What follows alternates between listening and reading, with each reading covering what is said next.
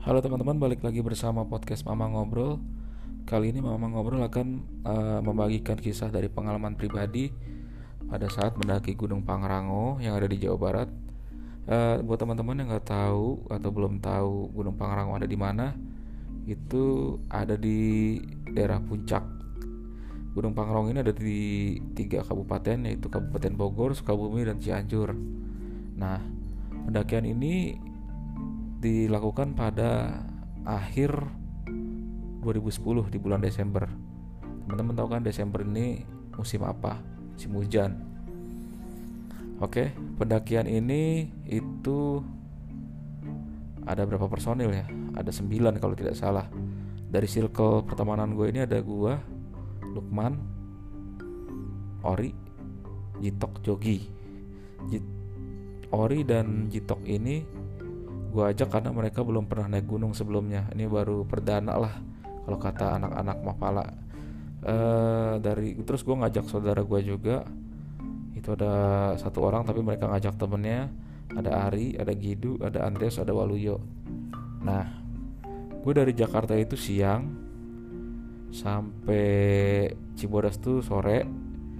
Nah gue uh, transit dulu di warung teteh karena saudara gue tuh dari Jakarta itu kalau nggak salah malam jadi sampainya tuh mereka jam 3 jam 4 subuh. Karena pendakian dilakukan besok paginya dan mereka itu transitnya nggak di warung teteh di warung yang lain.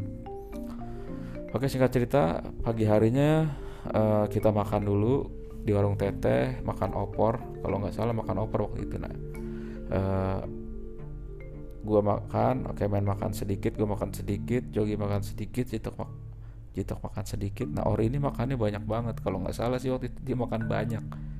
Jadi nanti ada efeknya. Nanti gue ceritain nih.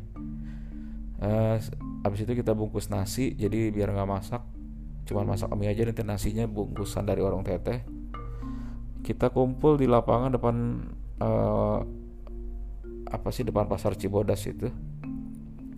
Kita kumpul kita briefing karena Gidu ini yang paling senior dari yang dari Cengkareng nih namanya Gidul paling senior dia yang mulai briefing ngasih tahu apa cara apa tata caranya. Oke uh, sebelumnya si Maxi udah kita urus ya dari kemarin-kemarinnya.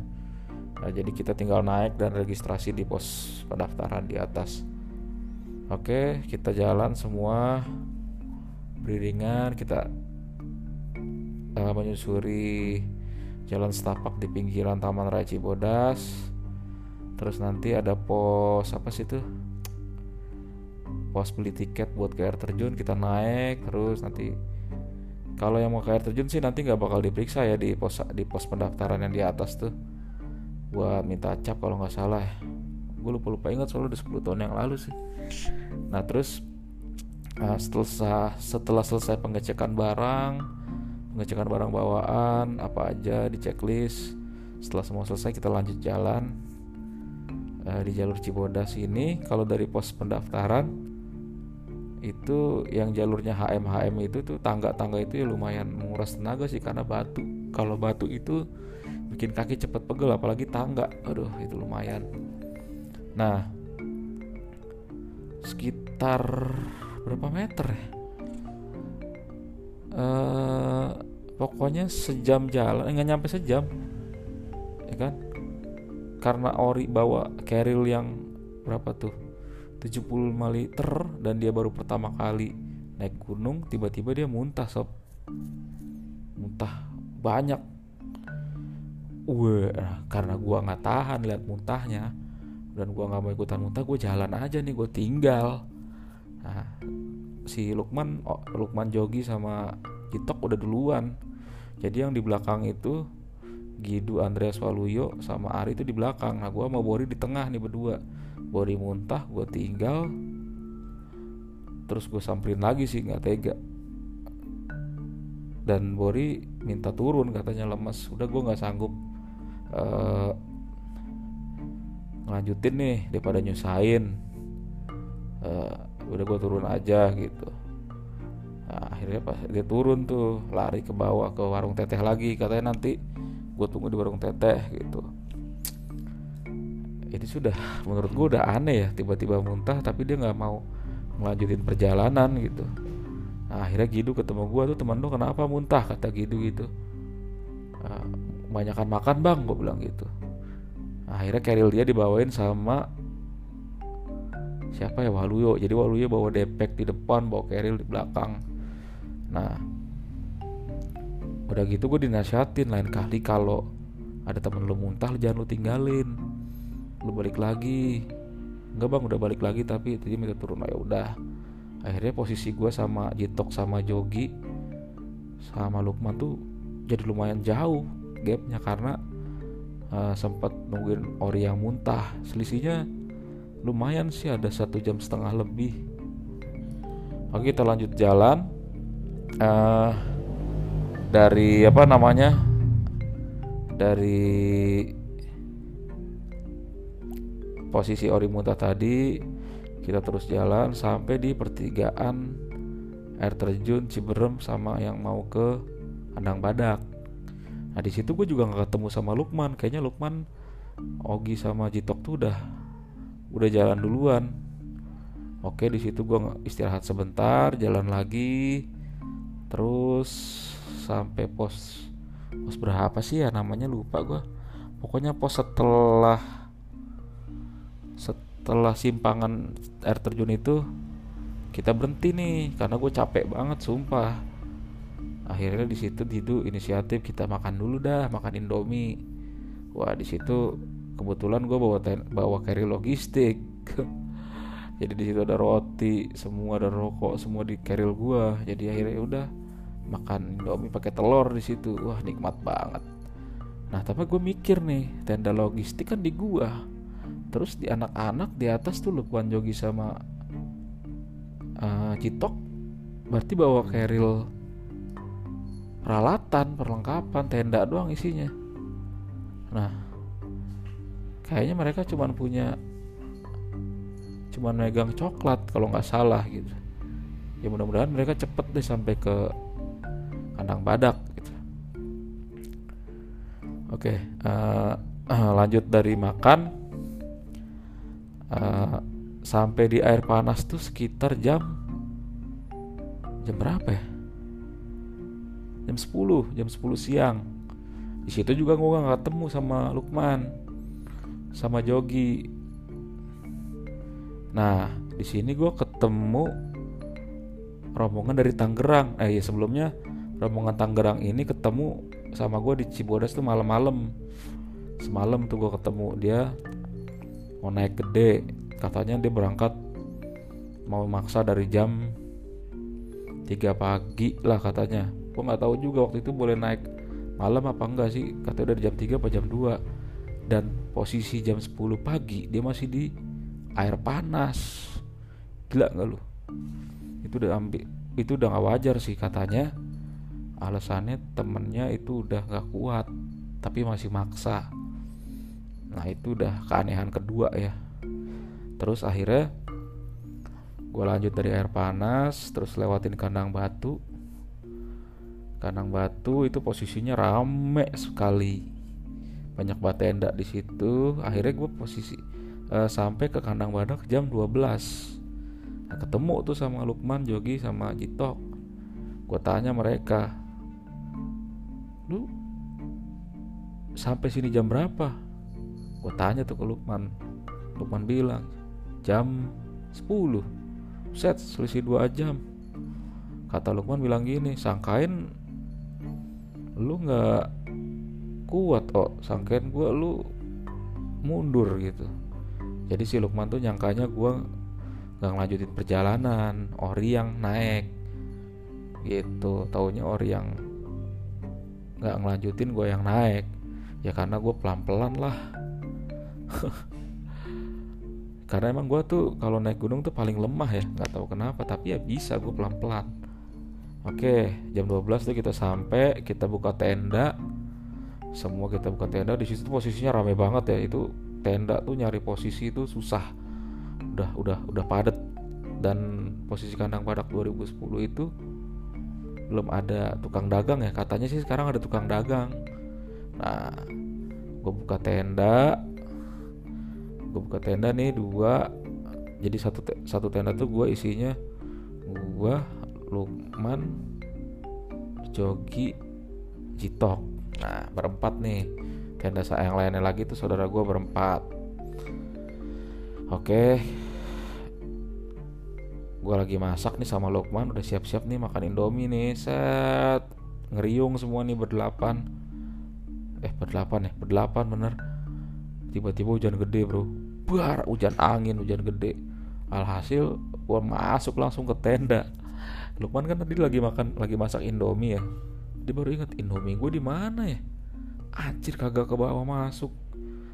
Kayaknya sih udah basah di luar ya. Alhasil kita di dalam tenda tuh kedinginan wah luar biasa. Tapi ya untungnya ada sleeping bag ya satu biji ya. Karena waktu itu tuh zaman 2010 itu naik gunung itu susah loh buat nyari perlengkapan yang proper. Karena ya pertama belum ngetren kayak sekarang nih. Terus kedua duitnya pas-pasan. Barang juga harus nyari minjam sana minjam sini wah pokoknya ya ngandelinnya sarung aja sama jaket dilapis-lapis. Nah hasilnya ah, ya, setelahnya akhirnya gue makan energen aja tuh gue gadoin energen. Gue gadoin ya lucunya sih Jogi nggak gadoin garam kan kocak kayak garam dimakanin. Alhasil jadi keausan. Oke hujan nggak berhenti berhenti nih. Apa sampai jam 3 bayangin tuh nggak berhenti berhenti terus nah tiba-tiba ada suara teriak. Ah, satu perkemahan di kandang badak kaget loh gua keluar tenda ngecek ternyata di apa namanya di tempat cuci ngambil air tuh ada kan di kandang badak? Kalau nggak salah di tempat air, air pancuran nggak? Buat ngambil air ada orang ketusuk beling. Di situ dia ngambil mau cuci kaki cuman nggak pakai sepatu nggak pakai alas kaki alhasil dia ketusuk. Cir ketusuk beling. Gila rasanya kayak apa itu? Kaitannya sih lumayan dalam. Gitu. Nah nggak tahu tuh mereka uh, berobatnya gimana gue nggak tahu tuh. Ya udah akhirnya balik ke tenda. Gue mikir nih kita lanjut Ska, uh, sore ini habis hujan apa besok besok pagi gitu. Ngecap dulu sehari di kandang badak. Ntar dah berembuk sama Gidu karena Gidu kan berhubung dia yang paling senior ya. Udah akhirnya jam 5 nih gue keluar tenda nih semua. Gimana nih Bang Gidu nih? Kita lanjut naik sekarang atau besok pagi? Nah tiba-tiba dia uh, ngasih opsi gini. Kata Gidu gini nih posisinya udah nggak nggak nggak nggak nggak kondusif nih bro. Gak, hujan angin terus nggak ada sinar matahari dari jam 12 siang sampai jam 5 sore. Gimana kalau kita cancel aja dan nggak enak sama teman lu nanti? Si Ori nungguin di bawah kelamaan gitu. Ya udah akhirnya kita rembukan dulu gimana baiknya. Gue tanya ke teman-teman udah akhirnya ya udah kita batalin aja dulu bang. Mungkin nanti lain kali lah. Kita mendingan faktor keselamatan dulu lah kita utamakan. Udah akhirnya jam 5 sore itu kok putuskan buat gulung tenda semua. Kita siap-siap buat turun lagi ke Cibodas. Nah pas saat gue dari kandang badak mau turun gue lihat tuh yang rombongan ketusuk beling itu maksa naik. Dan temennya yang ketusuk beling itu digendong dong. Gila gue bilang cerit gimana caranya itu? Udah akhirnya uh, jam 5 tuh gue turun tuh kandang badak. Set. Posisinya tuh di depan Andreas. Di belakangnya lagi ada Waluyo ada Gidu ada Ari. Nah di belakang ini gue berempat nih. Ya kan? Jitok gua Jogi Lukman atau Kemen. Nah gue jalan nah pas maghrib tuh udah nyampe kandang batu nih. Set selepas kandang batu tiba-tiba si Andreas teriak dari kejauhan. Soalnya dia rada berjarak dia jalan apa jalannya agak duluan. Wah teriak. Dia lumayan kencang nah, akhirnya si Gidu sama si Ari duluan bilang e, gak gue duluan ngejar Andreas takutnya dia kenapa-napa. Kejar tuh. Ser kejar. Nah Waluyo yang dari rombongan Cengkareng ini ditinggalin sama gue lah kita bareng-bareng. Nah hasil gue berlima nih di belakang lewatin maghrib. Gue ngelewatin air panas tuh udah gelap bayangin. Udah airnya panas kirinya jurang. Wah itu luar biasa tuh. Pokoknya selepas air panas tuh jam 6 lewat dikit di situ gue ketemu dua rombongan. Nah ini gue rombongan ini tuh cuman bawa center apa ya? Eh dua rombongan ya dua pendaki. Di bawa center yang model lama tuh yang besi. Udah itu doang. Nah udah tuh gue lanjut jalan gue lanjut jalan. Nah eh gue merinding lah. Terus uh, eh, gue lanjut jalan. Jam 9 gue sampai di pos. Kalau dari atas tuh pos ini tuh kalau habis pos ini tuh simpang air terjun ya. Pos satu pos dua gitu gue jalan. Gue istirahat dulu tuh di situ karena capek. Kebetulan juga gue proses turunin lama karena si Citok tuh sepatunya sempit ya kan? Jadi uh, apa namanya kakinya tuh mentok ke ujung sepatu jadi sakit. Jadi jalannya tuh apa ya ke samping gitu kayak kayak kepiting. Jadi turunnya satu satu jadi lama banget. Nah yang aneh di jalan nih uh, si Citok nggak pernah mau dikasih center pokoknya tok ini center buat gantian pakai center nggak udah dipakai sebentar dibalikin lagi. Udah pakai sebentar dibalikin lagi. Udah akhirnya gua istirahat di pos 1 atau pos 2 gitu. Kita masak dulu kita uh, makan apa ya bikin indomie kalau nggak salah. Udah udah selesai semua kita lanjut lagi jalan. Saya pas turun turun kita pelan pelan karena jito kakinya sakit. Dan si Gidu itu udah jauh banget di depan gua nggak tahu lagi. Lagi jalan tiba-tiba gue disalip sama rombongan. Seret ada dua orang nih. Misi bang misi bang. Terus lewat lagi satu misi bang misi bang. Anjir ngapain tuh orang? Lari kenceng ke bawah gitu dua tuh dia. Udahlah bodo amat ya kan? Turun tiba-tiba si Jito kepleset gubrak. Nah pas kepleset dia engeh nih. Eh tripod yang kita bawa di mana? Ya Allah. Tahu nggak lo tripod yang kita bawa tuh ketinggalan di pos yang tadi kita makan. Dan jaraknya tuh udah lumayan ada kali. Setengah jam turun anjrit masa mesti ke atas lagi sih buat apa? Buat ngambil tuh tripod tapi nggak mau gimana lagi orang tripod tripod si Bori. Masa kita tinggal? Udahlah akhirnya diputuskan uh, si Lukman sama si Waluyo yang ambil ke atas. Gua Jogi sama Jitok nunggu di situ. Posisi udah jam 10 lebih. Jam 10 lebih gelap tengah hutan. Wah cing perasaan lu kayak apa coba? Nah terus akhirnya ya udah gua di situ diem. Duduk bertiga. Nah di situ si Jitok tiba-tiba nyanyi-nyanyi. Sakit gua ke masukan coy. Tok tok tok tok. Wih enggak ternyata dia aman. Kata dia enggak nggak apa-apa gue ngilangin bosan katanya. Udah akhirnya gue nunduk aja tuh. Nah tapi gue kayak ngeliat si jogging si jogging apa si jitok itu ngeliat ke depan.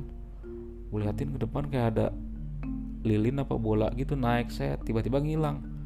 Gue merinding ya ah ya udah akhirnya si gue liatin ternyata si jitok tuh nunduk. Acit gue bilang. Wah kayak bel apaan tuh? Ya udah akhirnya uh, eh, gue di situ lumayan lama setengah jam lebih si Lukman sama Waluyo turun lagi bawa tripod yang ketinggalan tadi. Nah udah turun. Udah turun nih ya kan kita tur kita mulai lagi perjalanan turun. Sekitar jam setengah 12 tuh gue sampai di simpangan air terjun. Itu posisinya sepi bro. Gila. Lu kalau jadi gue sih udah merinding. Nah pas di simpangan itu gua kita lanjut jalan nih. Saat lanjut jalan. Pasti jembatan-jembatan nih dulu tuh masih kayu-kayu ya. Kalau sekarang nggak tahu kayaknya udah di beton nih. Nah itu gue ketemu sama ranger kayaknya dia nanyain mas ketemu orang yang kakinya ketusuk beling nggak? Oh ada mas tapi tadi itu di kandang badak. Ya tadi ada dua orang temennya soalnya ke bawah minta bantuan sangkain sama mas-masnya. Enggak enggak enggak masih di atas gue bilang gitu. Anjir berarti ternyata mereka mau evakuasi sih yang kakinya uh, ketusuk beling gitu. Ya kan? Nah udah gitu ya udah gue lanjut jalan nih jalan seret sampai ke telaga warna. Nah tiba-tiba si Jitok ini kan kakinya sakit sepenglihatan gue ya. Nah, si Lukman sih waktu itu juga mengiyakan itu kakin kakinya sakit tiba-tiba dia jalan duluan coy. Set ngejauhin rombongan. Akhirnya gue panggil tok tok tok tok tok tok. Kalau nggak salah sih gitu ya. Nah, udah akhirnya gue samperin tuh jangan jauh-jauh gue bilang gitu kan karena memang ada mitos di gede kalau jam 12 malam tuh jangan lewat telaga warna katanya. Ya udah akhirnya gue jalan terus gue nyampe ke pos pendaftaran itu jam 12 lebih 5 kalau nggak salah. Street gue tengah malam nyampe. Situ men. Gila nggak lo itu harusnya turun normal cuman 3 jam nggak nyampe. Eh 3 jam lah gue turun tuh 6 jam. Gila nggak? 6 jam. Bahkan lebih. Dari jam 5 sampai jam 12 malam tuh dari kandang badak doang bukan dari puncak. Gila.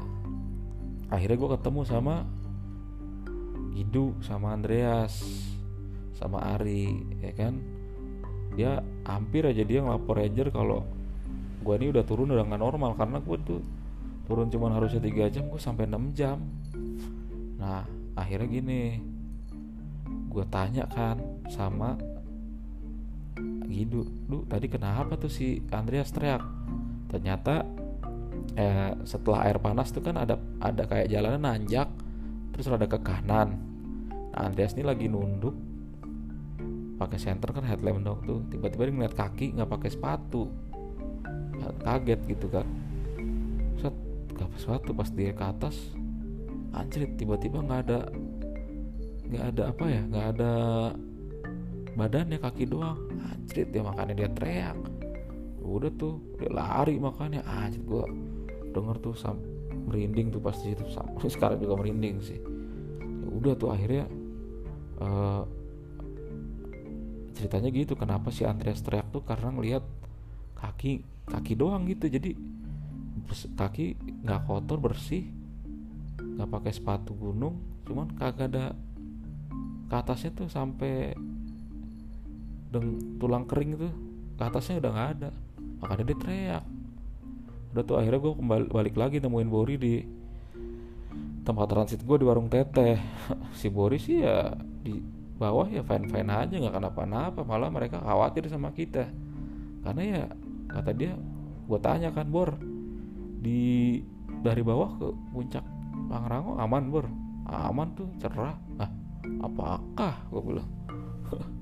Nah akhirnya gue tidur tuh di pos teteh. Tapi anehnya pas mau tidur gue mau tidur nih jam setengah duaan. Hujan gede badai.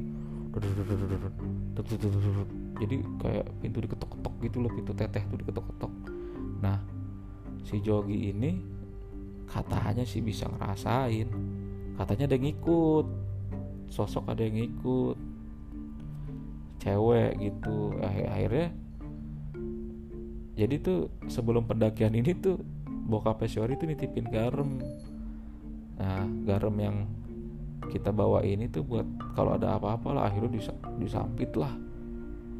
Garam itu ke pintu teteh katanya sih gitu. Nah, udah akhirnya mereda tuh. Ah, cerita apaan lagi? Gue bilang ah gila nih pendakian kali ini luar biasa loh udah nggak sampai puncak. Ngeliat orang kakinya ketusuk beling. Terus denger Andreas lihat kaki nggak ada atasannya nggak ada kepala nggak ada badannya kaki doang. Terus nah tau nggak? Satu lagi gue lupa tuh. Kenapa Jitok waktu dikasih center nggak pernah mau gitu. Nggak pernah mau dikasih center pas lagi turun tuh. Karena dia pas megang center nengok ke kanan tuh kayaknya ada anak kecil sepinggang yang di sebelah dia makanya dia langsung balikin senter lagi ke anak-anak. Anjrit. Gue bilang baru kali ini gue naik sehoror ini. Biasanya sih fine fine aja horor juga paling nggak nggak nggak separah parah ini. Gitu. Anjrit anjrit. Udah akhirnya besok paginya gue turun. Kita naik angkot charter angkot sampai ke pertigaan Cibodas gua ketemu dong sama yang kakinya ketusuk beling.